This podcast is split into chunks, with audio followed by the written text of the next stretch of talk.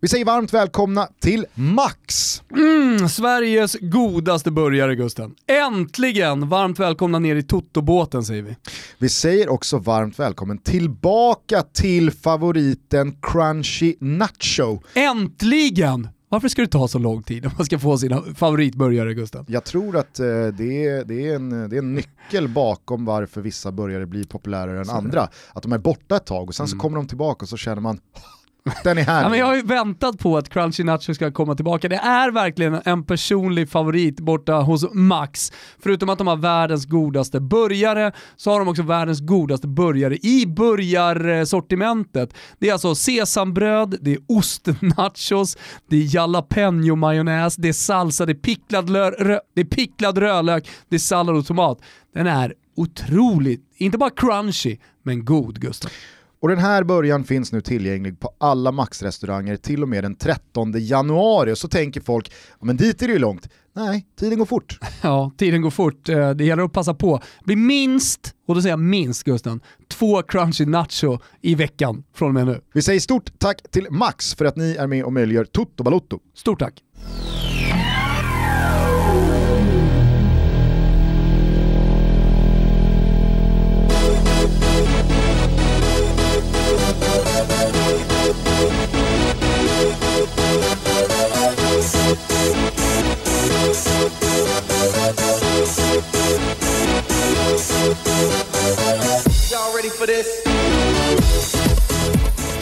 Känn er varmt välkomna till Toto Balotto. Det är torsdag den 5 november 2020. Vet du vad det är för årsdag? Tioårsdag faktiskt. Tioårsdag Kanske inte för... du vet. du, du, du, du, du, Kanske jag aldrig har berättat för dig. Eh, då du... Eh, nej jag vet inte. fan ska jag sitta och gissa på? Du kanske har sett att Har jag har ett eh, R på min hals. Ja exakt. Mm. Vart du inte knivstucken? Jo, visst. Tio år sedan på dagen idag. Höll du på att dö eller hur var... Nej, nej, faktiskt, jag hade en jävla tur. Men eh, det var en hemmafest i Rissne. Objuden kille. Årsdag för eh, hemmafesten i Rissne. Ja, det var ett gäng som hade tagit med sig en objuden eh, herre. Utklädd till polis, det var ju maskerad också. Min polare som jag bodde fan, med. kunde inte han bara få vara där då? Ska du sparka ut honom för? Ja, men det var, alltså, du vet, han drog ladd och det var, det var riktigt stökigt alltså. Okej. Han skulle ut. Ah, ja. Och så var han såklart utklädd till polis. Jag var utklädd till typ så här drag, eh, after dark ah, okej. kvinna. Passa dig. Så jag hade liksom högklackat och... Lite Katoy-utseende. Tack. Tack. Nej men så hade jag någon negligé och var hårt sminkad och peruk och pärlhalsband och hela faderullan va. Men så blir det ju då jidder mellan mig och den här killen som är utklädd till polis. Ja han ska ut, alltså han ska ut. Och så blir det ganska upptrissad stämning eh, och så bara snedtänder han och eh, säger då till min eh, sambo, alltså kompisen jag bodde med, att eh, nej, ja, nu dödade jag honom. Och så drar han fram en mattkniv som han har liksom eh, ja, vet, typ tejpad runt ankeln eller något. Och så går han in, trycker ut bladet, svingar allt han har mot min hals. Så jag hinner ju liksom vika undan lite åt höger. Och det var någon slags räddning. Det finns en ådra där som man helst inte vill ska Äh, precis. skäras av. Det är på vänstersidan blir också. Grisigt då. Ja. Så att, äh, det, var, det var jävla tur i oturen. Men det är tio år sedan idag, det Okej. känns som en jävla evighet sedan. Han hamnar på Hur kåken. fira med att jag dödar dig då?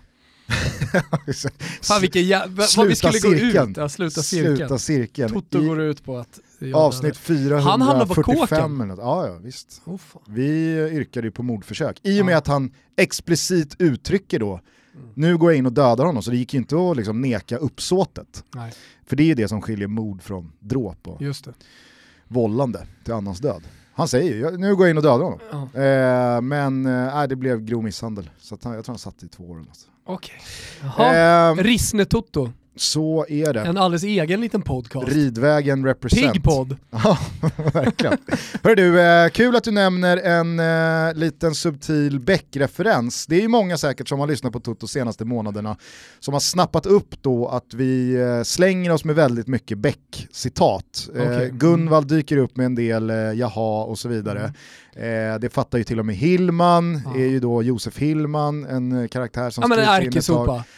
Ja, som, Om det, han det vet jag om, men det. är ju liksom så här, första gången man fick höra att han är dubbad, han är ju tysk, Mm. eh, så, så var det liksom, jag är jävla mind-blown ändå. Ja. Att det är någon tysk känd skådis som bara då mimar svenska och så är det en svensk röst som läggs på för att Beck ska funka i Tyskland. Prussiluskan i Pippi är också dubbad. Ah, okej. Alla de här gamla Astrid Lindgren-filmerna gjordes väl med ZDF som den tyska kanalen heter som alltid ska med och Vara med i Bron och i Beck och i gamla Astrid Lindgren-filmer. De är alltid med. Ah, okay. eh, hur som helst, du har från ditt eh, liksom, Polveri-kompisgäng jackat upp det här med Beck-citaten. Ja just det. Mm. Jag och Anton Elin bland annat då från liksom fan-tv-håll, vi är ju Beck-knarkare av rang Mm. sedan många, många år. Jag, jag kan oerhört många eh, sådana här one-liners och citat eh, från diverse Beck-filmer. Så jag tycker det är kul att det liksom så här, samtidigt som ni har jackat upp er Beck... Jag har Eh, hållit på länge också. Ja. Ja. Mm. jo men det är roligt då för att Det är så här, kul. det där kan man ju inte, man kan ju inte säga oh, jag vill vara med i surret, så jag går hem och plöjer 35 bäckrullar Det går 10 ju. gånger var. Det blir lite liksom too much. Antingen så kan man det där eller så kan man det inte. Var ska Så- du komma då? Jo, nå- i mitt svep så ska jag se om du då kan detect Beck Ja okej. Referensen, Ja, ja. eller Beck-citatet. Ja. För det finns nämligen ett eh, midweek-svep såklart. Ska vi bara vissla igång? Ja, för alla som inte har hängt med då så har det ju varit landslagsuttagning, det har varit eh, Champions League tisdag och onsdag samtidigt som valtoto liksom har haft fokus där borta också. Ja, just det. Ja, så kör du. Eh, vi kan väl bara snabbt då säga då, Jens Kajuste. Mycket riktigt uttagen. Ja, Nej men den, den, den, den sa jag ju, jag gav ju klartecken. Ja det var, det var ruskigt klartecken. Sen så har det blivit väldigt lite av den här Zlatan-tweeten dock, som kom i slutet av förra avsnittet. Det känns som att det dog lite med det amerikanska valet, jag vet inte varför. Ja men lite så, men alltså Janne, Janne la ju en väntad blöt filt överallt. Bara liksom, nej vi får väl fråga honom vad, vad det betyder. Nej, vad, jag, vad säger han? ja, nu har jag tappat min inre Janne. ja, jag har ingen aning. Fråga honom. Något sånt. Ja. Eh, och Zlatan har ju liksom inte gjort någonting av det heller. Nej. Så att, Vad händer med Guldbollen? Den är inte utdelad. så är det. Den delas ut nästa vecka. Okej. Eh, I samband med landslags... Så just nu Samling. vet vi ingenting om det här tweeten? Just nu har liksom den där tweeten bara, jag vet inte, avtagit i, i, Okej. i styrka. Long time no värme. see. Ja, Ja, hörs då. Jawohl, wir haben der waren Mittwochen Fußball. Eh, men som den ordningsman jag är börjar vi i kronologisk ordning på måndagen. För då gjorde AIK 1-0 på Varberg samtidigt som Malmö FF segrade med samma siffror i det som en gång i tiden var ett glödande Skånederby. Va? Tänk när de hängde Simon Tern-dockan och Helsingborg staplade pokaler på hög mörka tider! Himmelsblått behöver nu bara slå Sirius på söndag för att säkra SM-guldet även matematiskt. Men jag undrar jag om Anders Christiansen kommit över förra veckans nedstängning av utcashningen deluxe. Mer om det snart. I England så sprattlade Fulham till liv mot West Brom och senare under kvällen så gav Brendan Rodgers och Leicester, Bielsa och Leeds en rejäl lektion i effektivitet. Ett naivt och slarvigt nykomlingslag till att Jamie Vardy sliter dem i stycken och när allt var över landade jag i att Leicester absolut kommer vara en del av toppen även i år, men att Leeds snarare får säkra kontrakt så tidigt som möjligt. Hellas slog Benevento, Villarreal slog Valladolid och i superettan lyfte Gais från bottenstriden. GGG, Åh, åh, åh! I, I, I. Du hör jag är på hugget. Ja, jag hör det. Eh, vilket ångestgetingbo det är där nere. Trellehulla, Öysen, Dalken, Norrby och AFC. Äh men sick! Vilka strider som ska utkämpas i novembergyttjan. Vilka överlever och vilka dör? Ja, jag tar faktiskt den konsekvensen i min mun. För att åka ur superettan just detta år, inför just nästa år, under just denna tid. Tyvärr är det nog bara att klappa igen korvmojen då. Vi vänder blad och tar oss till tisdagen. Zinedine Zidane hade pratat upp det som den första av två finaler och vilken sprakande tillställning vi fick se mellan hans Real Madrid och hans gamla lagkamrat Contes Inter. När allt var över avgick spanjorerna med seger och eftersom Mönchengladbach tidigare under kvällen slaktat Shakhtar står nu Nerazzurri, Inter alltså, mer eller mindre inför en ödesmatch redan i fjärde omgången. Torsk väl där, ja då ska väldigt mycket till för att avancemanget ska lösas. En missräkning som i sådana fall enbart kan vägas upp av en ligatitel och i Serie A Ja, ska vi vara ärliga så är det snart mitten av november och Inter har inte visat speciellt mycket mästartakter hittills. Truppen är byggd för att glänsa nu! Vart ska detta ta vägen, Thomas? Porto slog Marseille och löste i och med det så att fransoserna tangerade bottenrekordet i Champions League-historien med 12 raka förluster i turneringen. Starka papper, not so much. Vad fan hände med Dimitri Payet förresten? Je ne sais pas. Bayern kunde till slut ruska av sig ettriga, kaxiga och käftiga Salzburg. Liverpool och Diego Jota piskade på ett osedvanligt naivt Atalanta, till och med för att vara Atalanta, och Ajax släckte mittjyllans hopp om Europaspel efter nyårig härning. Las Vegas, Sydney eller Rio de Janeiro, va? Vilka nyårsfirande städer ändå, men härning kan det vara sista platsen på jordklotet man vill ringa in det nya året. Under gårdagen brände Ole G ytterligare ett av sina nio liv, denna gång nere vid Bosporen mot det ytterst beskedliga motståndet Basakshir och nu är vi där igen, tillbaka på ruta ett igen. Bara någon vecka efter att alla varit uppe bland molnen. Nej, nu får det vara slut. Torsk mot Everton så står ännu ett landslagsfönster på vid gavel. Jag ser ett skadeskjutet rådjur med tungan skevt hängandes utanför munnen, flämtandes efter andan. Sätt kulan i pannan nu, gör det bara.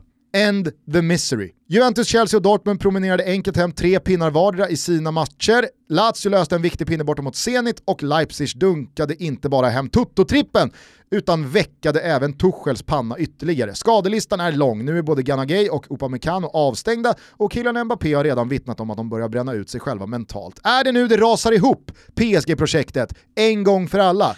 Jag kan inte ljuga för dig Thomas. Eller jo, det kan jag ju såklart om jag vill, men jag tror faktiskt att det är det vi just nu bevittnar. Mark my words. Missat gruppavancemang från Champions League den här hösten och Ale Florenzi är ordinarie kapten i PSG om mindre än ett år. Krasnodar och Koffe Olsson och inte minst Mackan Berg i spetsen hade ett gyllene läge att ta tre oerhört stora poäng bortom mot Sevilla efter att ha klivit ut efter paus i ledning 2-1 och med en man mer än motståndet. Men det ryska pannbenet är inte av järn längre. Krasnodar blev Krasnodar och nu är det såklart bara glömma allt vad avancemang heter. Barca såg efter sex minuter ut att gå mot kanske säsongens största Champions League-seger, då Dynamo Kievs reservlag kryddat med några moppemuschar sprang ut på Camp Nou. Men 84 minuter senare hade faktiskt Mark-André Ter Stegen blivit utsedd till matchens lirare. Vi ska inte gnälla på Barca mer, folk verkar tycka att vi är för neggiga kring dem. Och fine by me, redan förlusten mot Getafe var för mycket. Nu skiter jag i dig, du är bortkopplad. Utvisningsbåset, eller hur? För... Uh... Avslutningsvis då? Den tog du väl? Vad sa du? Redan förlusten mot Getafe var för mycket. Ja. Nu skiter jag i dig. Ja, ja, du är bortkopplad. Jag, jag, var så jävla inne i det. Exakt, du är bortkopplad. Men... Händens pris. Redan assisten var för mycket. Just det. Nu skiter jag i dig. Du är jag, bortkopplad. Jag, jag tänkte, med, med, Barcelona så var det ju många som hör av sig, så ibland bli, lyssnar ju folk på den här podcasten och eh, liksom tänker väldigt mycket utifrån sin supporterskap och det är väl helt normalt. Vi eh, har ju inga känslor åt något håll. Jo men det har vi ju såklart, men eh, vad det gäller Barcelona eller Real Madrid eller Juventus så det är inte så att vi sitter här och eh, talar rätt från våra hjärtan, utan vi, vi ser ju ganska objektivt på de olika situationerna, kan jag tycka i alla fall. När vi sågade Solskär till exempel inför landslagsuppehållet, nu kommer den tillbaka, alltså så som Barcelona sett ut, eh, stärkta av, alltså vi, av resultaten som eh, Barcelona liksom, eh, och prestationerna som de har stått för framförallt, det tycker jag ändå så det, det, det, har ju varit objektivt. Så jag kan inte riktigt förstå de som tycker att vi har varit för hårda mot de här lagen. Nej men så är det väl alltid att uh, om man uh, le lever och dör med det där laget och, och, och mår dåligt när det, det går dåligt så kanske man inte vill höra oss sitta och vara negativa. Då får man väl antingen hacka i sig det eller så får man stänga av eller så får man som vissa gör då höra av sig till oss och säga att ja, nytt avsnitt, nytt hat mot Barca. Men som jag säger, då, då skiter vi i Barca ett tag, de är bortkopplade. Utvisningsbåset. För de är, så, de är så dåliga och så likgiltiga i, i stundom. Ska vi sätta ett datum när vi kommer tillbaka till Barcelona? ja, vi är väl tillbaka efter landslagsuppehållet. Ja, så får det bli. Eh, men eh, utöver det då så tycker du hörde... jag att eh, jag fick med det mesta Absolut. från dagarna som Ja varit. men det tycker jag verkligen. Eh, alltså, på tal om att då såga, alltså två personer som har sågat respektive lag som vi pratar om, både Manchester United och Barcelona. Det ena är ju Joaquin, har du hört hans såg? Nej.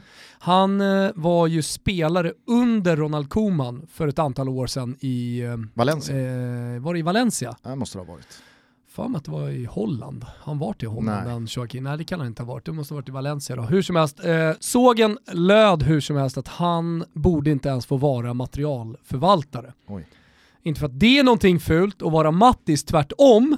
Men eh, så sågen han kom, han tyckte han var usel som tränare. Mm. Och eh, den andra sågen står ju då Paul Scholes för, som tycker att Manchester Uniteds lag eh, spelar sämre än U10. Mm.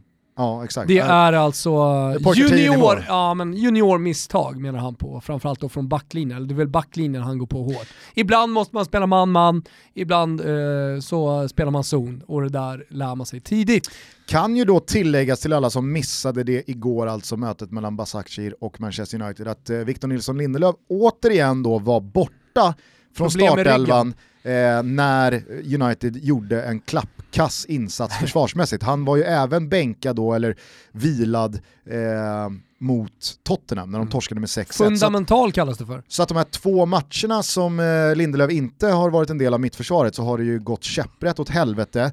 Det går ju förvisso eh, att då eh, tillskriva att ja, men Lindelöf kanske är viktigare än vad många menar på. Men det går ju, Hyllats ganska mycket de matcherna han har spelat också. ja, inte minst här på slutet. Mm. Men det går ju framförallt att då hävda att ens aktie stärks även fast man inte är på banan. Det är Mm. de där matcherna man vill missa.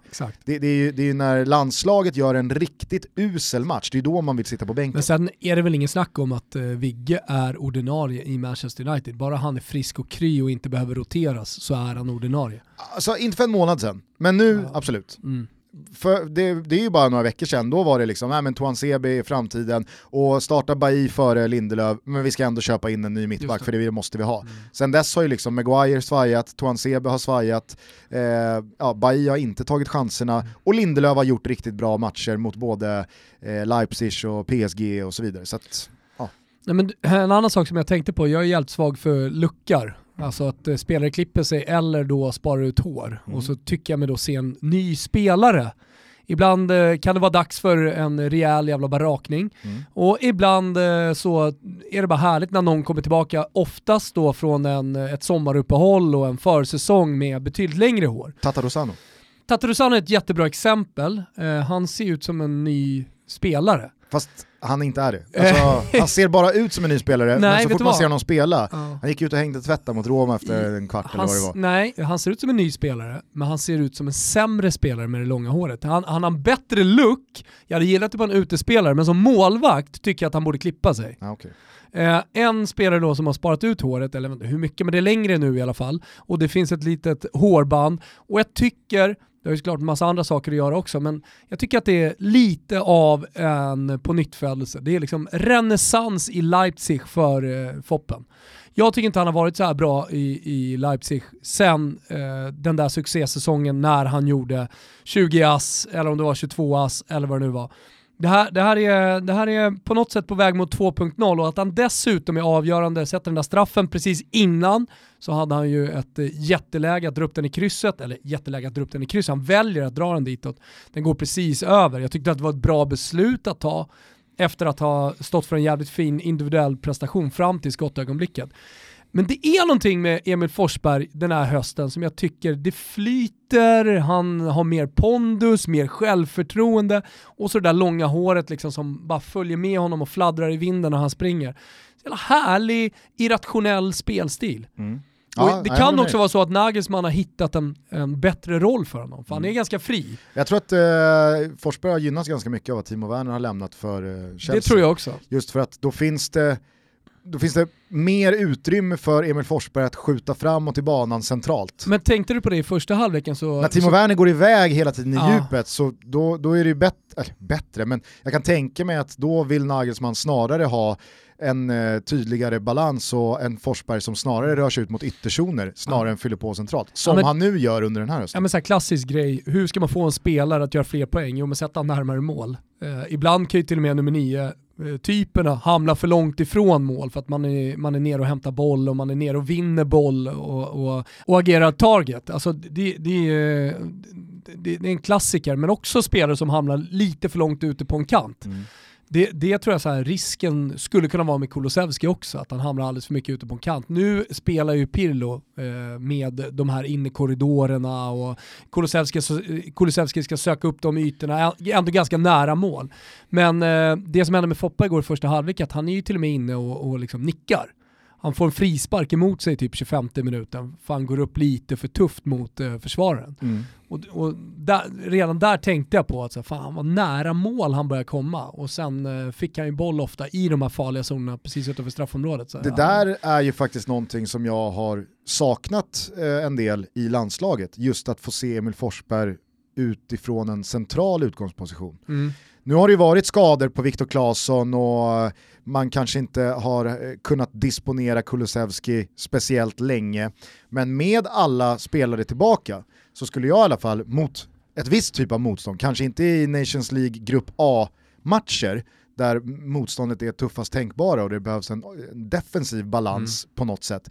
Men om vi i ett VM-kval mot eh, lite mindre, sämre nationer eh, har möjlighet att testa så, så, skulle jag verkligen vilja se ja, men kanske Viktor Claesson eller Kulusevski ute till vänster då, och så kan man skjuta in Emil Forsberg centralt bakom mm. två anfallare.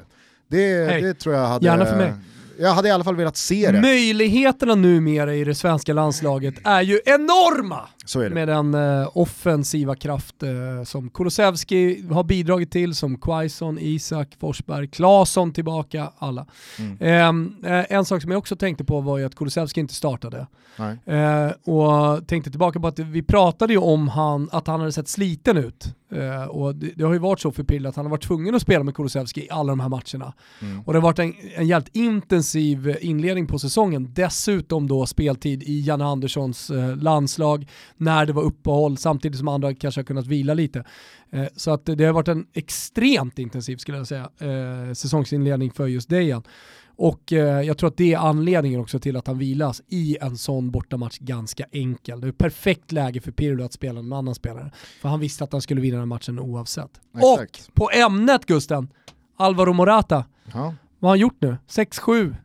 8? Han har gjort 15 med alla offside-mål helvete vad många offside-mål han har gjort också. och flera av dem är ju hårfina. Igår så var jag helt säker på att hans eh, första mål skulle dömas bort. Alltså inte att han var offside, utan att eh, vem det nu är längs högerkanten, just det, just det. Eh, om det är Quadrado tror jag, ja. att han är offside. Ja. Och att det då skulle liksom säga, äh, inte ens, i, i, nu, är det någon, nu är det någon annan som springer offside åt Morata. Ja. Eh, ja nej men verkligen, Morata och Champions League det är ju det är något annat än Morata och Serie A. Vi är denna vecka sponsrade av K-Rauta. Det är färgveckor med upp till 20% rabatt på ett stort urval av färg och tapet för alla rum och ytor i ditt hem. Men det är också Fars dag mm. och då tycker vi här att man eh, kanske ska unna sig själv någonting fint om man nu är en far. Ja, men, men varför alltså, inte unna sin farsa något fint? Exakt, jag menar det är nog många som funderar på vad ska jag tjacka åt farsan. Och då är det ju perfekt att bara svänga in på K-Rauta för där finns allting för er pappa, jag lovar. Och har man inte tid att svänga förbi något av alla varuhus, ja men då är krauta.se öppet dygnet runt. Där, där kan man lägga en beställning för att sen åka och hämta ut allt med bilen i mm. deras drive-in. Superduper smart va? Ja det är smart och det är också smart att gå in på K-Rauta om man ska göra ett lite större större projekt, eller ett lite mindre ska sägas också, så kan man ta hjälp av deras projektledare. De är superduktiga, det har du och jag gjort Gusten, och det rekommenderar vi verkligen alla. På korauto.se finns nu också en eh, riktigt härlig intervju med mig, där jag berättar om mina, mina eskapader med, med byggbrallorna på. Åh fan. Hur det... går det där ute i Hattis? Ja, det går sådär. Men eh, jag, får, eh, jag får välbehövlig hjälp och guidning av K-Rauta. Ja det är bra. Så att eh, de hjälper mig från eh, start till klart va? Ja men då passar det väl bra att säga Kitos till K-Rauta för att ni är med och inte bara hjälper Gusten ute på Hattudden utan också möjliggör Toto Balutto. Sannerligen, Kitos! Ska vi bara hålla oss kvar lite kort i den där Leipzig-matchen mot PSG? För som du hörde i svepet, ser du också ett PSG i liksom inte totalt förfall eller fritt fall, men ett PSG som verkligen känns eh, svagare än på länge och på väg mot dystrare tider. Ja, jag tror att det kommer vara lite dystrare tider framöver för, för en del lag, så, beroende på hur man hanterar de här corona-upplägget med inga supportrar på läktarna och sådär. Men eh, jag tror inte att det är liksom slutet för PSG, utan snarare så kommer man väl komma tillbaka starka sen när supportrarna kommer tillbaka. Men det jag skulle säga är att det är farligt att bli det laget som klagar på att det är tufft.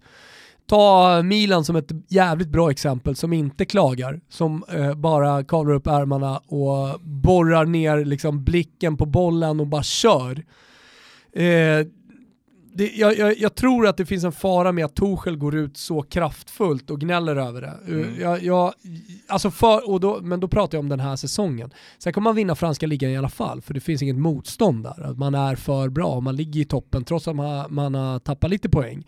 Um, och ja, men kvalitets, eller klassblandningen eh, är för stor eh, i, i den franska ligan. Men, men där, däremot så tror jag nog inte att det är deras år eh, i Champions League. Det ska också sägas att just i exakt den här perioden på säsongen, det var Johanna Frändén som skrev, jag tror det var förra året, i en krönika, just i den här perioden så pratar man alltid om att PSG ser så fantastiska ut och är det i år som man faktiskt ska vinna den där fucking jävla Champions League. Det här är första säsongen som liksom det nya PSG inte presterar fantastiskt under Champions Leagues gruppspelsfas. Kanske ska vi då se på PSG som eh, omvänt, att eh, det här är bra. Mm. Jag är ju extrem, ett, en, en extrem stor supporter till den teorin, att du ska inte se för bra ut för tidigt på säsongen. Så jag, jag har ju vänt på den här gången också, stärkt av historien, alltså olika lags historia, till exempel Real Madrid under Zinedine Zidane, som ofta har sett skit ut på hösten, eh, till och med avgång på gång från Zinedine Zidane, eh, och sen så har man bara kommit tillbaka, vunnit Champions League, förra året vann man ligan trots att man inte såg jättefina ut på hösten. Eh, och kanske är det då ett, eh, ett PSG vi ska tro på. Mm. Alltså, som något slags eh, motargument är ju att PSG faktiskt gick till final i fjol under den där säsongen som de såg så fina ut under hösten. Så att det ledde ju till något bra också. Man förlorade den där finalen Final, mot Bayern. Final, vem bryr sig? Okej, okay. eh, jag bryr mig i alla fall för att jag tycker ändå att det är för mycket som talar om för stora skillnader på det här PSG och tidigare upplagor och då pratar vi alltså senaste 5, 6, 7, 8 åren. Typ sen Zlatan kom mm. och det, den här marschen mot Champions League-bucklan och eh, världsherravälde började. Alltså, jag känner mig ganska säker på att det här är sista säsongen killen Mbappé gör i PSG. Mm. Han kommer lämna, om det sen blir för eh, Liverpool eller om det blir för Real Madrid eller det kanske dyker upp ett tredje alternativ längs vägen. Det vet jag inte, men jag är helt övertygad om att Mbappé är klar i PSG.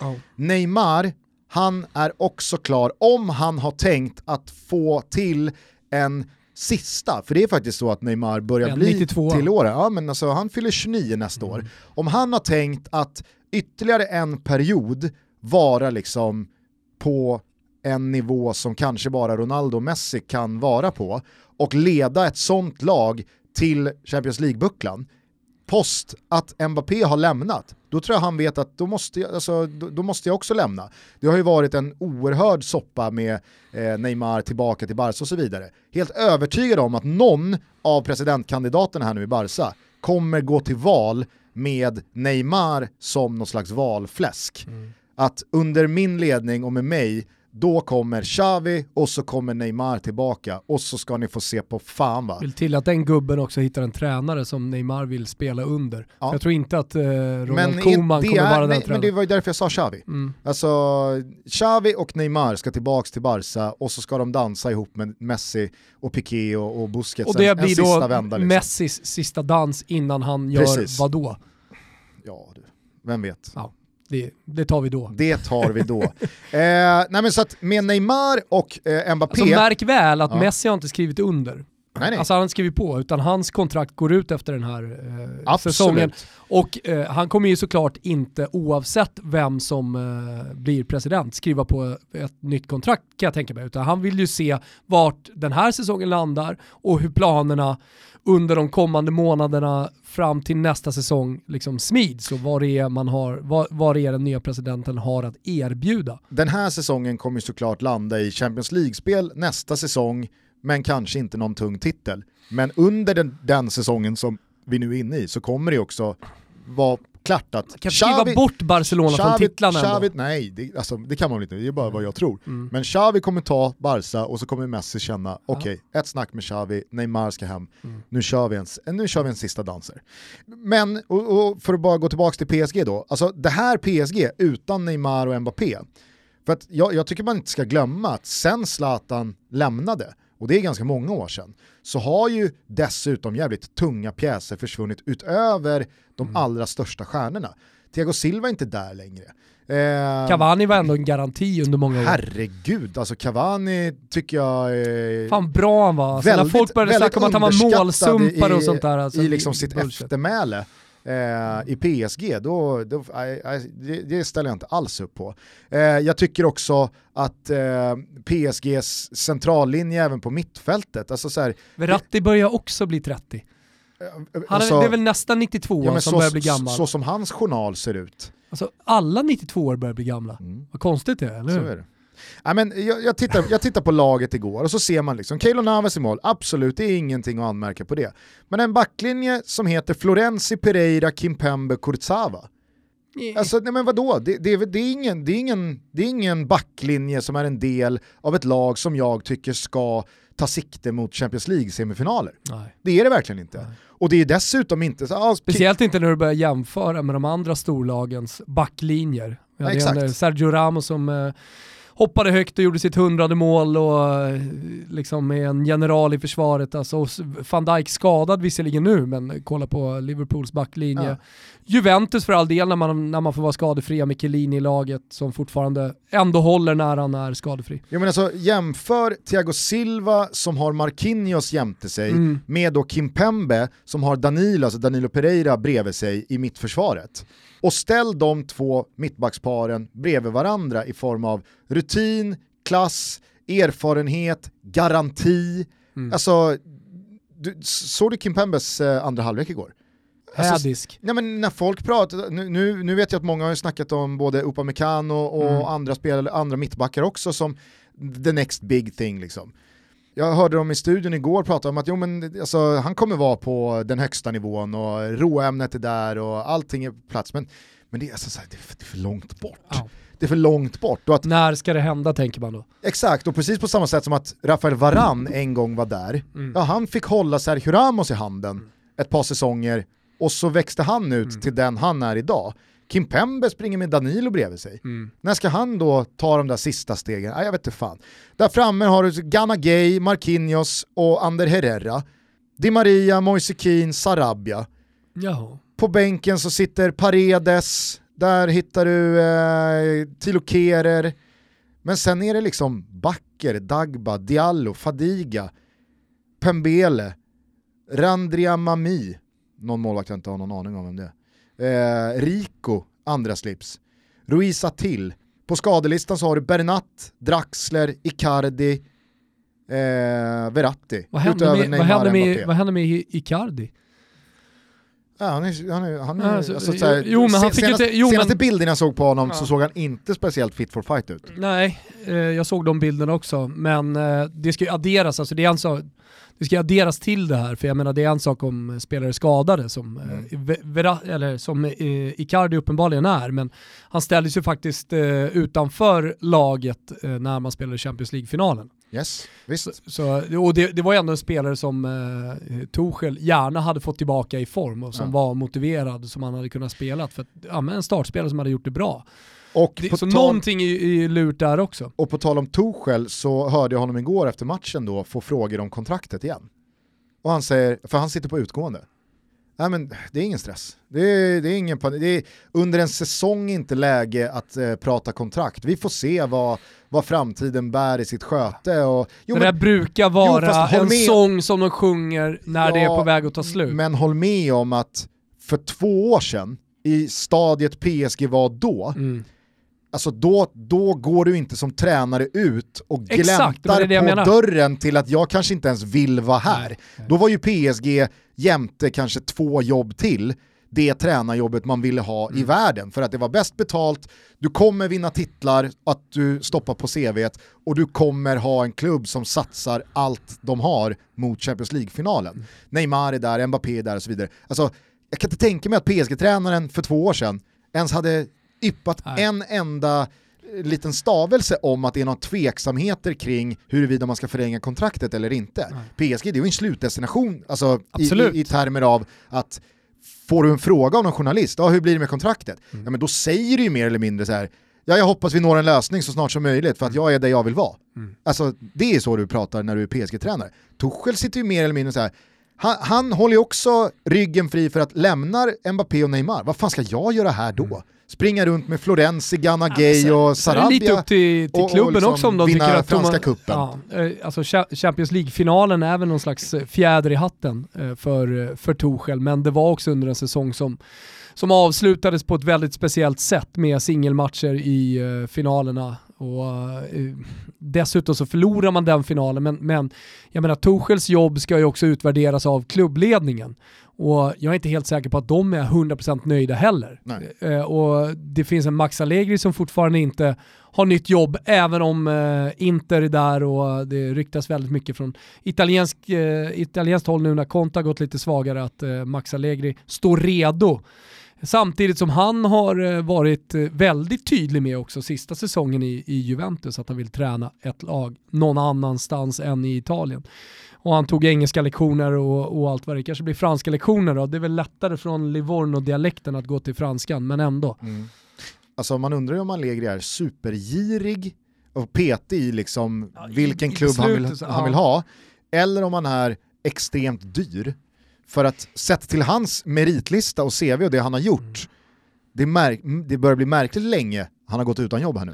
För Ja, mig vet. veterligen sitter väl inte han eh, med liksom toppröjs på någon tv-kanal i Italien och är expert i väntan Han på... spelar alltså, han ju inte gjort kort någon i Livorno. Mourinho. Det är vad han gör. Spela kort. ja, alltså med poker. sina... Nej, man spelar inte poker i Italien. Du vet, du spelar alla de här eh, sätten och hit och dit. Och, eh, de har ju andra kortlekar också, ibland.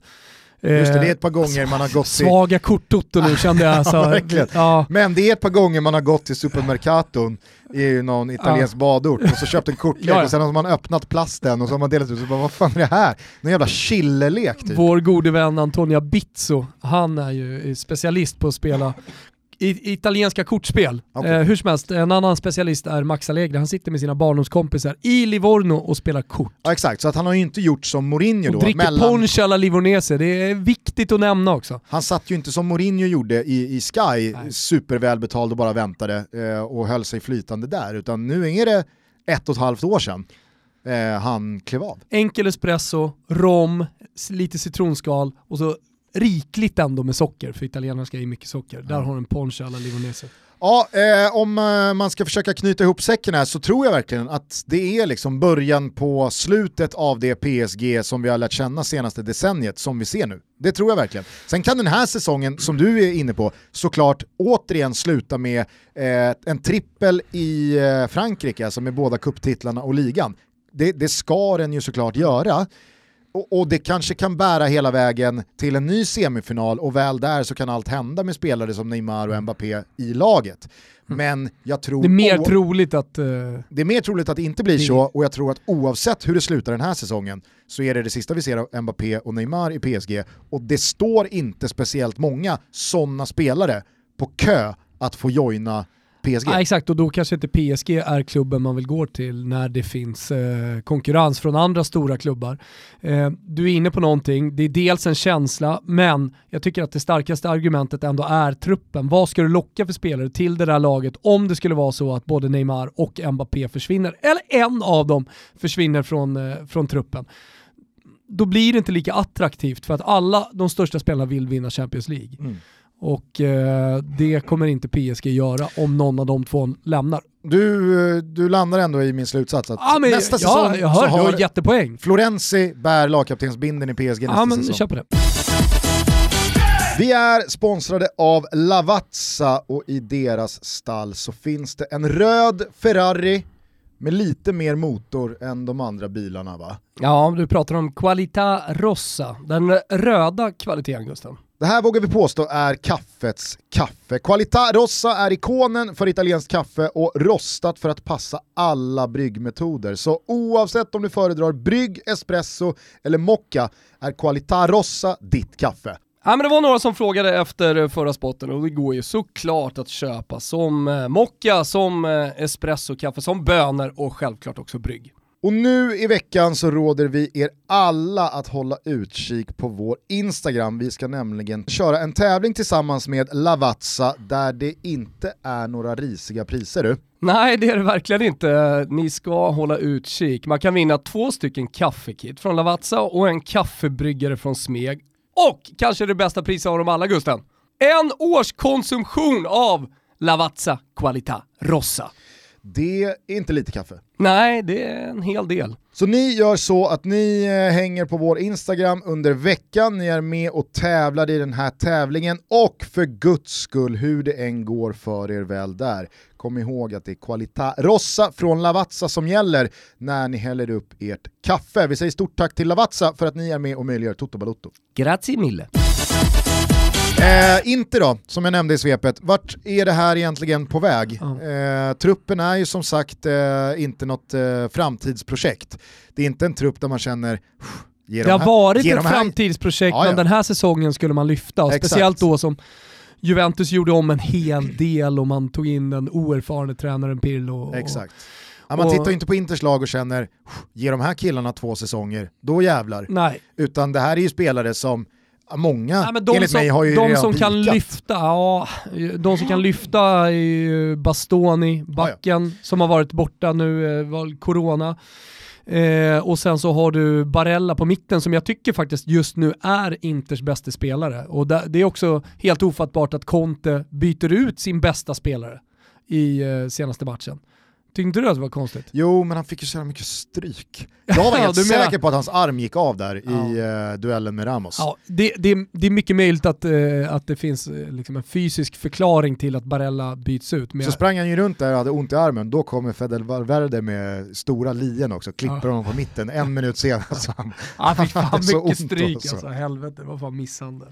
Eh, nej, men, visst, Eh, Bastoni, eh, Barella och Lautaro Och Martinez Lautaro och så vidare. Ja. Det är klart att det Hakimi finns... har, ju, har ju också en nivå till, men eh, många av de bärande spelarna börjar bli till åren. Alltså, eh, det var eh, min, min polare Niman nere i Göteborg som är Inter-supporter, han, han, eh, han skrev det att man, man ser att han kommer hela tiden en millisekund för sent. Det som, det som var liksom den eh, pikande eh, Vidal i Juventus, eh, jag vet inte om han, var, om han pikade speciellt mycket i Barcelona. Jag, jag Nej, det den, gjorde han inte. nej, Bayern München, Bayern München, Juventus. Ja, Bayern München Juventus där han var Pikade som inte bäst. Vidal med Pirlo och Pogba? Ja, Jag tycker det. Ja. Jag tycker det. Men, eh, och det kanske var därför Juventus släppte honom, för de kände att eh, den där spelaren, han, han har liksom redan varit på sin topp. Men, men han spelar ju fortfarande på samma sätt, det är inte så att han har gjort om sitt spelsätt. Nej. Eh, Klassiska Zlatan som kommer ner längre ner i planen. Nu har han ju gått upp igen. Har du tänkt på det? Ja, Det var verkligen. ju så jävla mycket snack för 4-5 år sedan. men Zlatan gick ner och var spelfördelare. Det är, det är som med Kane.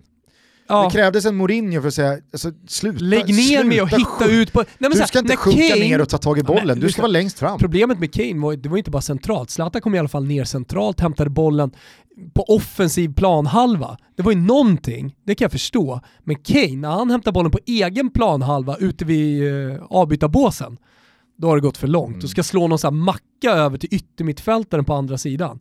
Det var en central mittfältare. Det var, det var en Metzala håller på med, inte, Ja. inte Harry Kane.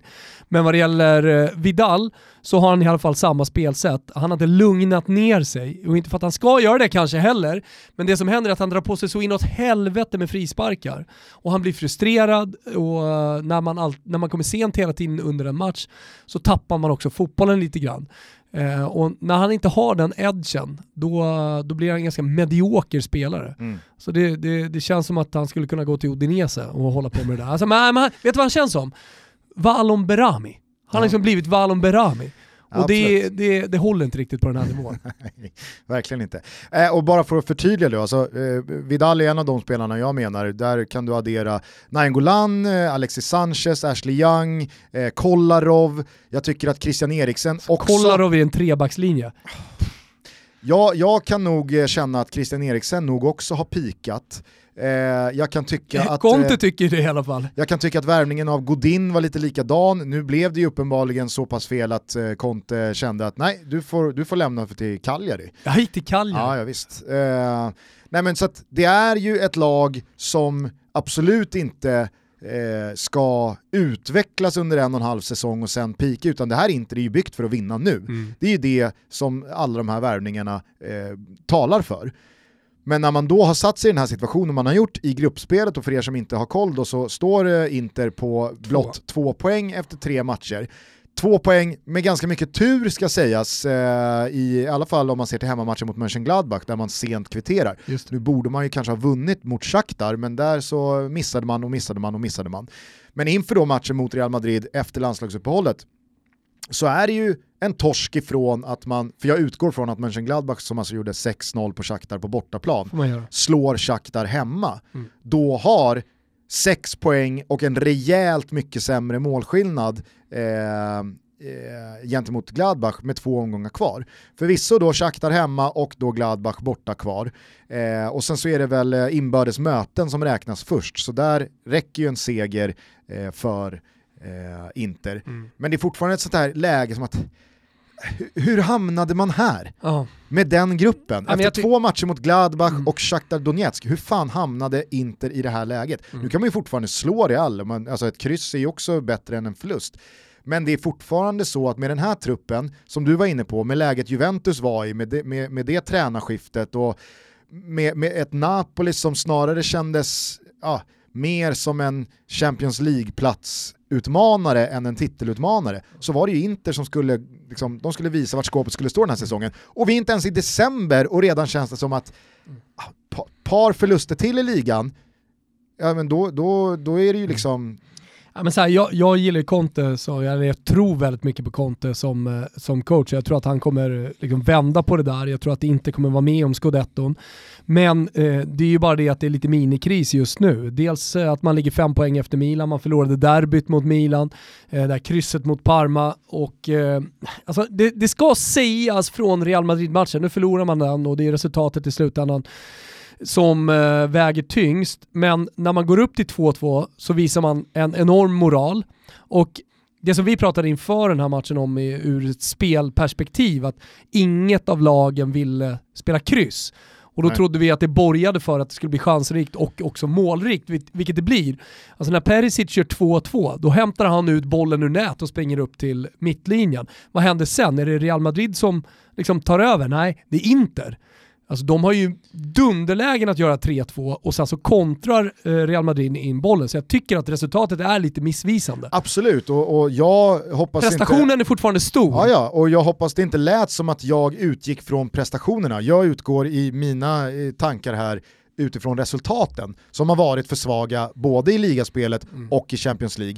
Torskar man mot Real i nästa gruppspelsvända och adderar någon torsk eller något eh, poängtapp för mycket till i ligaspelet, då är det... Ja, alltså, men då är det, lite finns- minikris. Och, och Nej, men inte man, bara minikris, då kan ju inte Conte i den positionen efter sommaren som var med allt tjafs mot klubbledningen och ska should I stay or should I go och med de här värvningarna som han har fått. För det ska man komma ihåg, det är inte många lag som har värvat så mycket och så stort som Inter har gjort det här fönstret om du jämför med de andra under en coronapandemi. Det har ju jämför verkligen med varit... Milan bara om du vill. Exakt. Eh, men eh, med det sagt så har ju inte Conte, alltså jag skulle tycka att det var lite löjligt om Conte i december när det börjar rejält blåsa då, skulle börja prata om att jo, men prestationen är i alla fall bra. Ja, men det Håll tror jag inte han kommer Alltså, så här, göra. Alltså, I det här läget så är det så poängen fall- som räknas, inget annat. Ja, men Co- Conte har ju likt eh, Zinedine Zidane ifrågasatt sin egen position. Det har han gjort i många klubbar som han har varit i. Eh, och det ska, det ska fan sägas att han har eh, även ifrågasatt sportsliga ledningen flera gånger också med det klassiska citatet du kan inte äta på en 100 euros restaurang med en 10 euro sedel. Eh, i, jag vet inte vad han fick i sommar, han fick i alla fall 70 euro på den där 100 euros eh, restaurangen. Eller? Ja, ja, ja visst. Alltså, han, han måste ju ändå vara ganska nöjd. Alltså, Vidal ville han uppenbarligen ha, Vidal fick han. Ja, ja. Så att eh, det, det, det vill ju till att det där, det där maskineriet eh, oljas in. Ja, Mm, men typ den enda spelare som inte landade i Inter som det pratades mycket om var väl Kanté. Alltså N'Golo Kanté från Chelsea. ja, jo.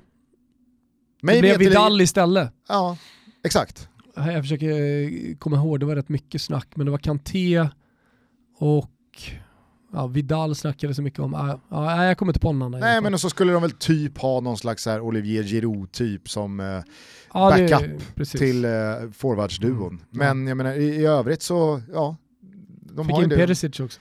Exakt, kanske också pikat.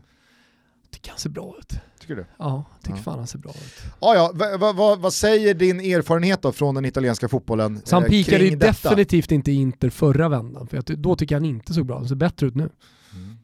Ja, ja. Eh, vad sa du? Vad säger all din eh, erfarenhet från den italienska fotbollen om detta då? Alltså du pratade ju Mm. om eh, Frändéns take på PSG, att Mm. det alltid pratas si, det slutar kanske oftast så. Mm. Vad säger det här om Inter med det läget de är? Eh, det är ju ganska länge sedan Inter också var favorittippade eller hade någon slags titelkrav på sig. Juventus har ju gjort rent hus så många år.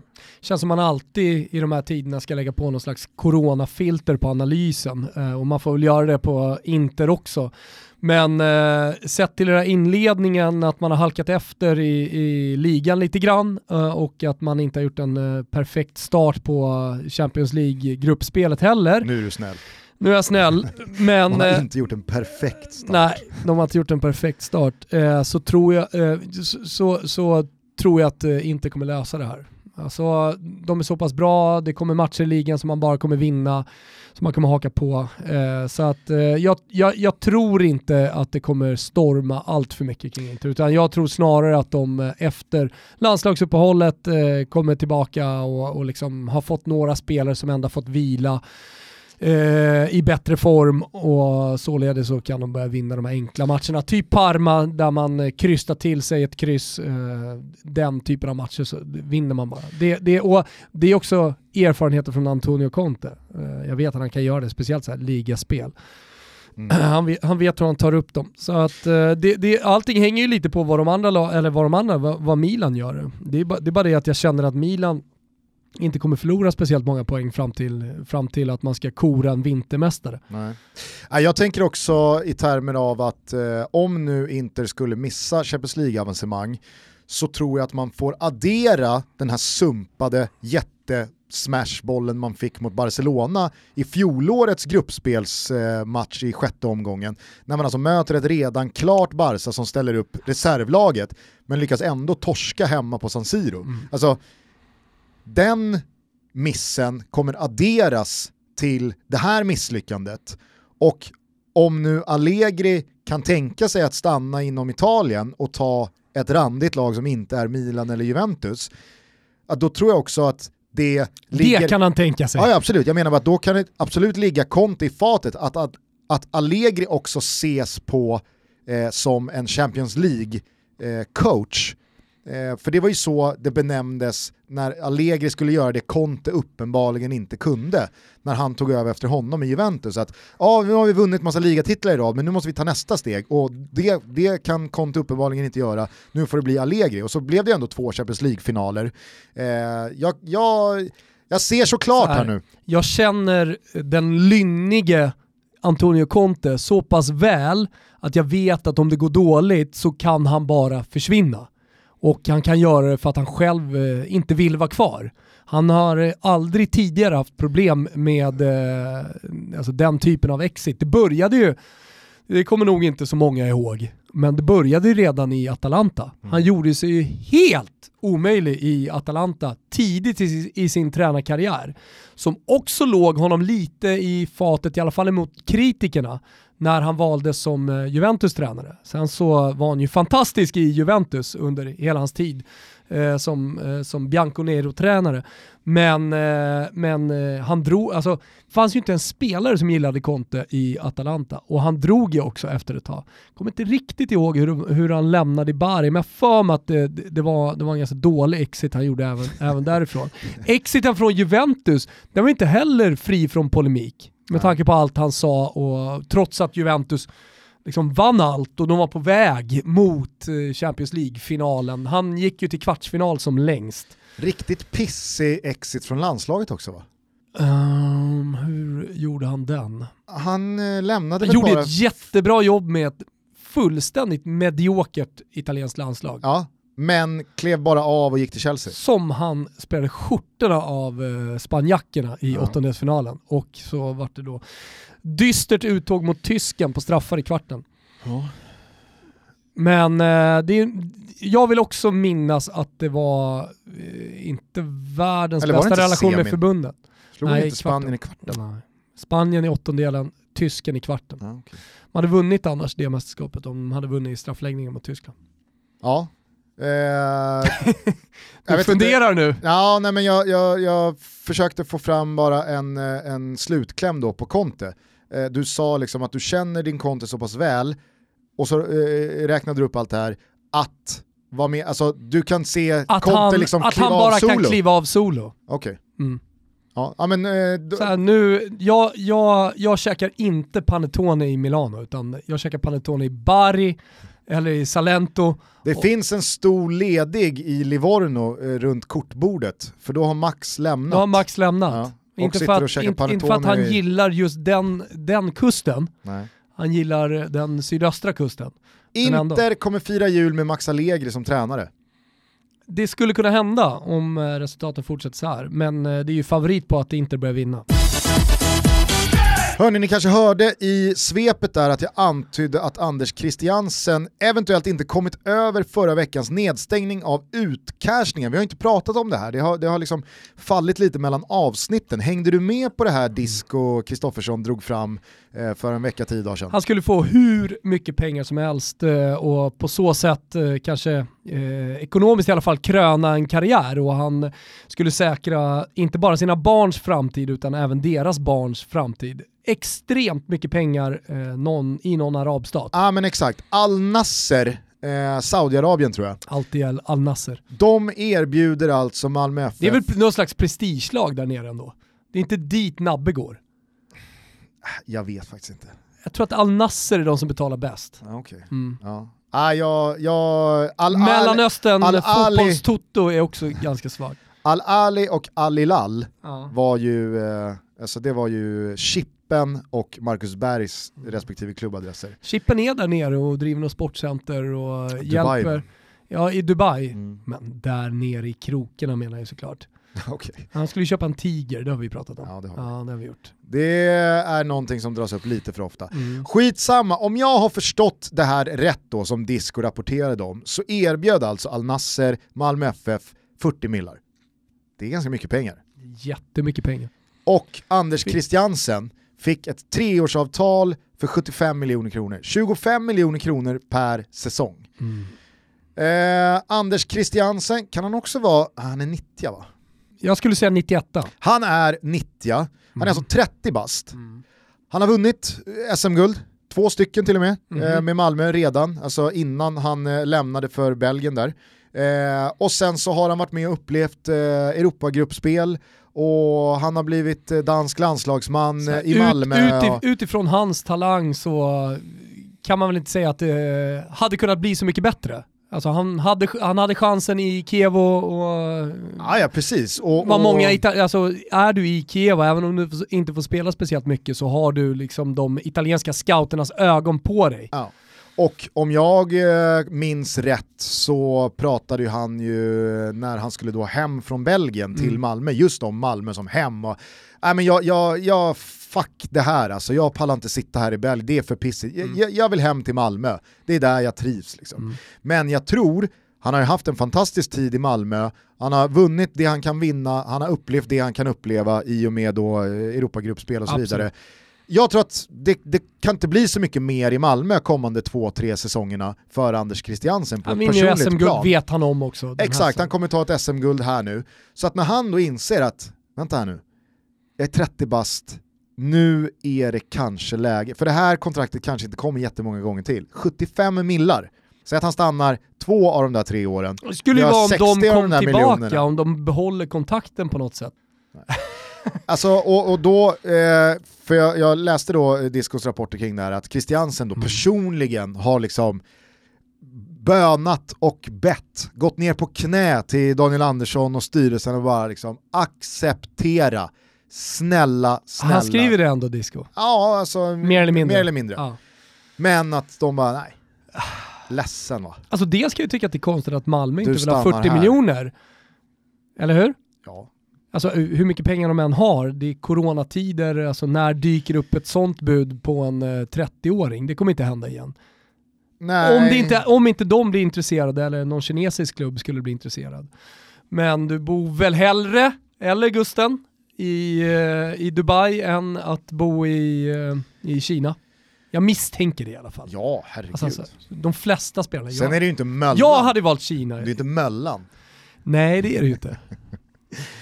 Okej, eh, jag, ska, jag ska rätta mig här innan någon annan rättar mig. Eh, I Discos artikel så står det, enligt Sportexpressens uppgifter vill nu Al Nasser i Saudiarabien köpa loss dansken och är beredda att lägga omkring 30 Ja, miljoner ja, kronor. 30 hit, 40 dit, det är Jo, mycket men pengar. du vet ju hur folk Ja, är. Det ska rättas och slås på fingrar om man eh, slänger sig med, med felaktiga uppgifter. Alltså, jag kan tänka mig att det där är en sån här grej som är jävligt svår för Anders Christiansen som spelare, Mm. att bara släppa. Jaha, då laddar vi om då. Helsingborg, Helsingborg nästa. Ja, men klart det.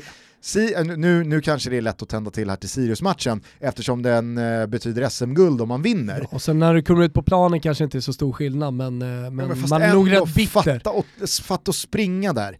Det är alltså så här, jag, jag kan tänka mig att eh, när Marcus Danielsson, eh, när, när, när, han, när det gick upp för honom i vintras, vad det var för pengar det handlade om. Alltså när han pratade med Bosse Andersson, det måste, det måste vara sån, ja, det måste vara sån liksom illa dold desperation i rösten. Du måste säga ja. Kan du avlägga måste, en eh, måste, sportslig måste ja. rapport från eh, Marcus Danielssons prestationer nere i Kina? Eh, det har väl gått eh, sisådär. Jag vet att eh, han och Sams gäng nu i dagarna spelar en, alltså, otroligt kinesiskt, de spelar alltså en, en eh, de har ett slutspel även för plats 6 till 11, eller 6 till 12. Det, det är Så sånt där man, helgen- tycker är, man tycker det är onödigt även i ungdomsfotbollen. Nu ikväll tror jag så inleder de då dubbelmötet för att nå elfte platsen och inte komma tolva mot något lag. Spelar då Och det är Rafa som tränar, torsdag, Benitez. alltså. måndag. Ja. Det är Rafa Benitez och så, så är det Sam och Marcus Danielsson och sen så är det Samuel Rondon. Oj. Som jag vet inte heter, Som absolut inte heter Samuel, han heter Solomon. Solomon Precis, Rondon. Det, det, det var någonting rätt. som var fel Ja, när jag ja. sa Samuel Ja. Rondon. Men eh, vad fan, de eh, får Men- ju sin lön oavsett. Absolut, och även fast eh, laget i sig kanske har sladdat lite och inte eh, presterat eh, efter ambitioner så har ju Marcus Danielsson tagit sig tillbaka in i landslagstruppen. Uppenbarligen. Så Janne verkar ju inte vara alltför missnöjd med, med, med hans prestationer. Kommer där. säkert starta någon match också, tror du inte det? S- Ja, säkerligen, det är, det är ju tre stycken eh, landskamper här som, som stundar nästa vecka. Så att, eh, ja, det blir spännande. Kul också med Jens Kajuste måste jag säga. Att, eh, jag, jag, räknar med att han får hoppa in i någon av Nations League-matcherna. Såklart. Så att han blir låst. Ja, ja, annars hade det varit otroligt. Ge USA möjligheten igen. Ja. Eller så hade det varit liksom peak Janne i att vara Janne. Faktiskt. Hur obrydd han är kring det här. Att vi kan inte hålla Spela på, det bästa laget. jag kan inte hålla på och kinga spelare. Det, Ah. eh, han, han är ju slug också Janne, och han kan ju vara slug i och med att han är så envis. ja. Men så fruktansvärt jag tror han oftare är slugare än man tror. Men eh, jag kan tänka mig att det ändå var, det, det var nog ändå lite så här strategimötesläge i måndags eftermiddag Ja. när tweeten kom. Jaha, hur gör vi nu då? Ja. Vad, vad är liksom, Eller, eller, vad är är man, outputen? eller så är man liksom förbi det. Det blir något mess från, eh, eh, vad, vad heter din polare? Jakob Kakembo. Eh, Kakembo ja, exakt. Han är pappaledig nu. Ah, kan man vara pappaledig från en sån tjänst? Det passade väl just det här Så jävla året. svenskt, det hade aldrig funkat i något annat land. Det är Så nog det räcker med att komma till Danmark. Det är nog sant. Förstå om Italiens liksom landslags... ditt, Förstå om italienska landslagets presschef liksom skickar in Han är ju pappaledighetsansökan. dessutom, alltså så här, är du presschef för det italienska landslaget så vet man, då är du över 70 år också. Ja, jo men det behöver ju i och för sig inte betyda gam- gammal- att man inte blir pappa i Italien. Nej, nej visserligen.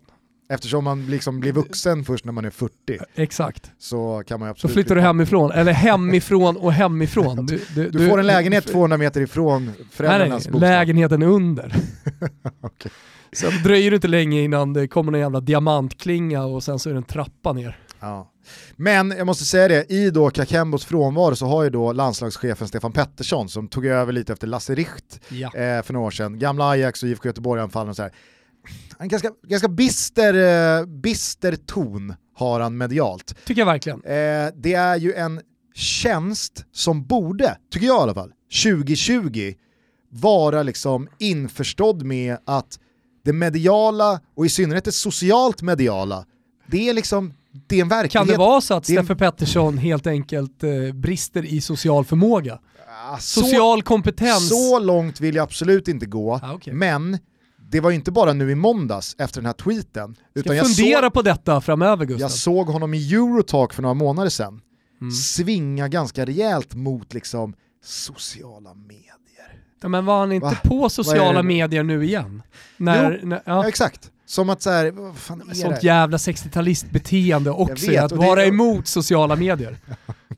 Ja, Jag håller väl på, nej, vänta. hur Thomas, nej, nej, får man ju nej, ofta, vänta. Thomas hur går det med din blogg som du håller på med där borta? Du menar podd? Ja, blogg, podd. Blogg, podd, ja, blogg, allt nu. Kvitter och...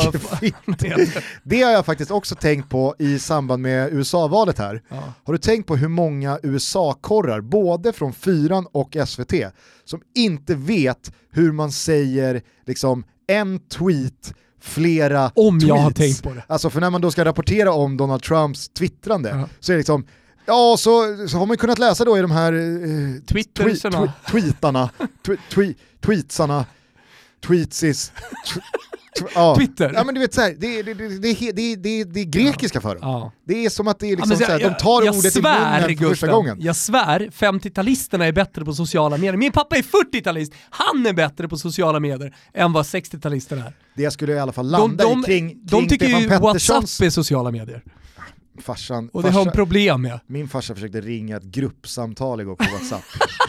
gick ju åt Vet han att han ens gjorde det? alltså. Det skulle landa i Var det kring... BP-gäng då som skulle ringa? Nej men han tryckte ju fel såklart, Ah, okej. han, skulle, han skulle inte ringa någon grupp. Träffade ju två BP-legendarer häromdagen, Kiss Faludi och Tommy Söderström. Mm. Oj oj oj. Vilka auror de har.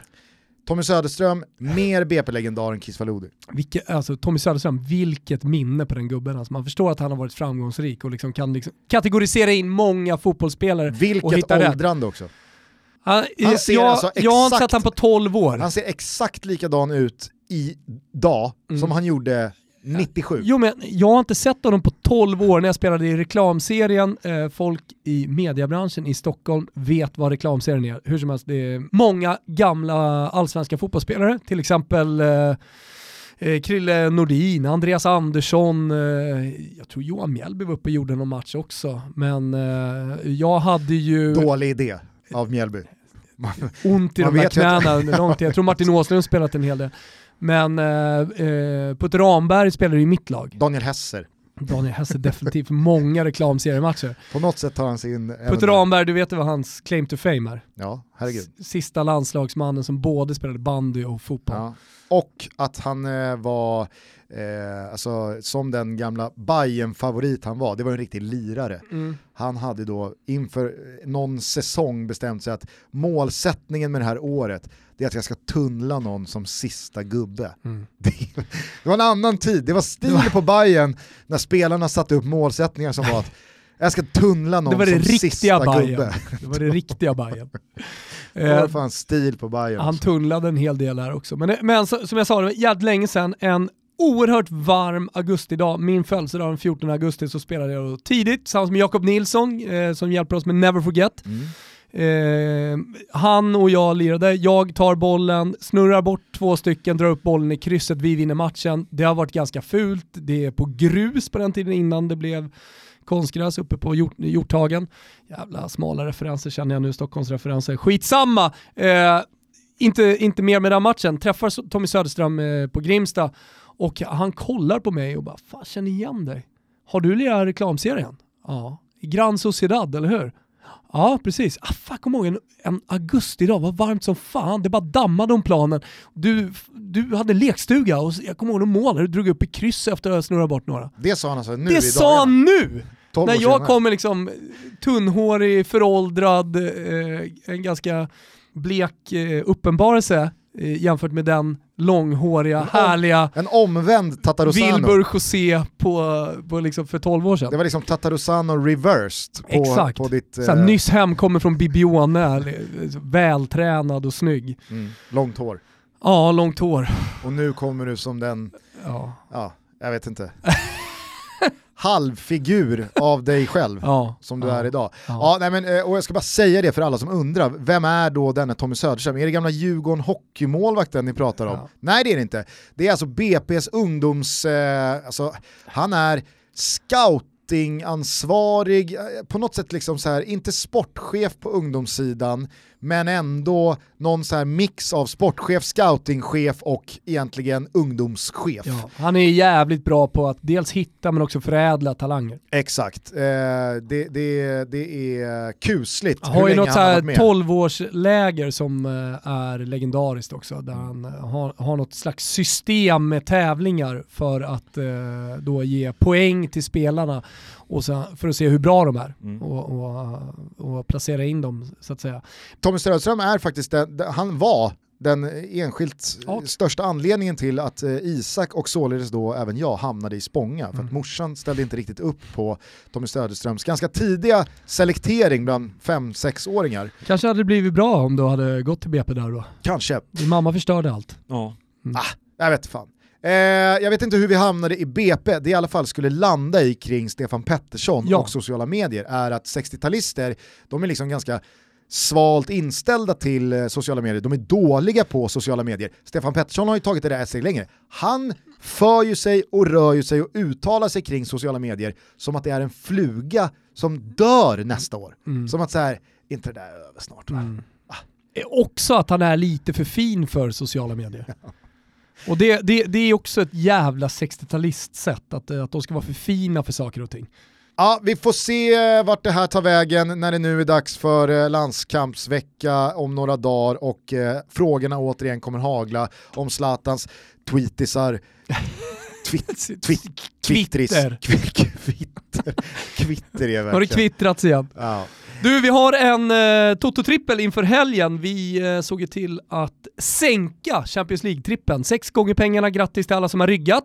Vi Jajamän. går för andra raka. Vi går för andra raka, ska vi nå den där efterlängtade pokern så behöver vi ta den andra raka, således är det fullt fokus till helgen. Och vi börjar i Italien. Jajamensan, jag vet att Juventus vinner borta mot eh, Lazio. Ja. Frågor på det? Nej, Nej. Eh, det, det är väldigt mycket covid i Lazio, det har varit en jobbig Ju- bortaresa Juventus mot, kommer vinna eh, mycket här framöver. Sankt Petersburg, Ronaldo tillbaka, Ja. Kulusevski utvilad, Ja. Chiellini Bonucci i mittförsvaret. Ja, nej, rak seger för Juventus. Dessutom så tror vi att Arsenal på söndagskvällen slår Aston Villa. Mm. Ja, jag har också sett Jack Grealish och hans eh, formtopp och att Villa kan göra mål framåt. Men Arsenal, stärkta av den där bortasegern mot Manchester United, Yes. har varvat upp här nu, det vågar jag påstå. Mm. Och med en offensiv i Auba, Lacazette och William så kommer de segra hemma mot Aston Villa. Så är det sista benet i den här trippen, det är att Zlatan kommer göra mål. De möter Men- Hellas Verona Mm. hemma på San Siro söndag kväll. Mm, han ser fantastiskt bra ut. Zlatan, så att eh, en trippel med lite engelskt och med en hel del italienskt. Skulle det vara så att Zlatan ikväll skadar sig på något sätt så får vi väl i samråd med våra vänner på Betsson då revidera vår trippel till söndag. Men det här kommer ni då märka via våra sociala medier. Så Såklart. följ oss, följ Betsson så missar ni ingenting vad Exakt. gäller den här Toto-trippen. Men vill man rygga så behöver man vara 18 år fyllda och upplever man att man har problem med spel eller att någon i sin närhet har problem med spel så är stödlinjen.se öppen dygnet runt veckan lång. Eh, vi säger i alla fall stort tack till Betsson för att ni är med och möjliggör Toto Balutto. På tal om Milan, Hellas Verona, så ramar vi in den i Fotbollssöndag Europa. Eh, vi startar 19.30, det lär bli en del Zlatan och landslagssnack. Eh, Kan vi du- tar ner hela Serie A och La Liga och den europeiska eh, fotbollshelgen. Jag vet ju att en sån här sändning påbörjas, eller påbörjas, planeringen påbörjas tidigt. Kan Mm. du kanske ge oss en liten sneak peek in i körschemat? Jag hade verkligen kunnat gjort det om det inte hade varit så att jag och eh, Big Shot-producent Pierre Mattioni sköt upp vårt samtal från i morse till eftermiddag. Ah, vad synd. Men det får helt enkelt bli Men en du cliffhanger. säger nu att eh, vi kommer prata om de här grejerna. För du har en viss påverkan på det körschemat, väl? Vi stöter och blöter. Så är det. Eh, men kolla för fan, Simor eh, och Fotbollskanalen eh, 19.30 söndag. Tips när man sitter och kollar, testa nya Pepsi Raspberry. Den tycker vi är väldigt god. Det gör vi sannoliken. Ja. Ny smak. Ny smak, raspberry, då tänker eh, vissa av er som är extremt dåliga på engelska, vad är det för någonting? Jo men det är ju hallon. Så man får den goda Pepsi Cola-smaken, men du får också lite härlig, fräsch, syrlig hallon i. Mycket Får- gott. Får man inte också lite, lite liksom första vibe kring jul? Lite, lite. Ja. Den gläntar på juldörren. Mm. Den här eh, Pepsi Ja, Max men Raspberry. lite, lite kanske, men, men det, det, det, det är en riktig höst-Pepsi. Så uh, kolla på Gusten, Fotbollssöndag Europa, jobbar vi in Toto-trippen tillsammans med en Pepsi Raspberry på bordet. Vi hörs igen nästa vecka. Missa inte heller eh, Never Forget, nytt avsnitt på måndag morgon. Det finns två avsnitt här från veckan som varit. Degerfors pratade vi om igår. Jag trodde att eh, Degerfors-gänget skulle liksom eh, flå oss levande för att vi gick ut och gratulerade till det allsvenska avancemanget. De känner sig heta nu för att de är på väg upp i allsvenskan, vi gör ett avsnitt Never Forget. De Jo, känner jag- sig jag- snarare hedrade. Men jag vet inte om jag har missat någonting, eller är det så att inte en enda kritisk röst har höjts? Så är det. Jag har i alla fall inte stött Jag på fick någon. samtal från många olika, Kallbäck till exempel som är där nere från, som eh, nu har hyrt en skylift inför den här avgörande matchen på Stora Valla. Eh, Det, det vet man också inte är helt oproblematiskt gentemot liksom jantelagen i Degerfors. ja, men Kallbäck är väl inte jantelagen personifierad direkt. Nej, absolut. Men adderar man då en skylift till denna stora personlighet Ja. och denna ibland vulgära klädstil så riskerar man ju att eh, få sig en eh, verbal åthutning. Jo, men han kommer också se matchen och kanske då eh, Degerfors historiska avancemang till eh, allsvenskan. Och väldigt många av de som då står och gnäller på honom där nere. Ja, jag ska, kan, kan inte prata som man gör nere i Degerfors. Jag står där uppe och kollar. Det är Kallbäck. Usel. Maserati tror jag han kör också. Usel värmländska. Nej men det var inte ens ett försök. Nej, nej, okej. det var inte ens ett försök. Eh, jag hyllar det hur som helst, härligt Kallbäck eh, och jag säger stort lycka till till Degerfors, mitt andra lag. Hörni, vi hörs nästa vecka. Ha en jävla trevlig helg. Ta hand om varandra. Puss, ciao, tutti. Ciao tutti. Oh my god, oh my god, these feelings just begun.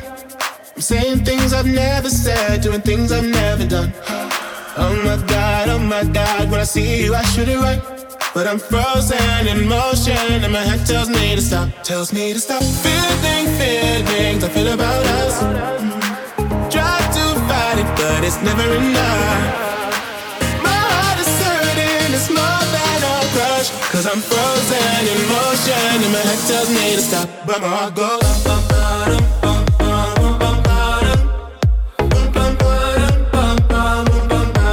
Cause my heart goes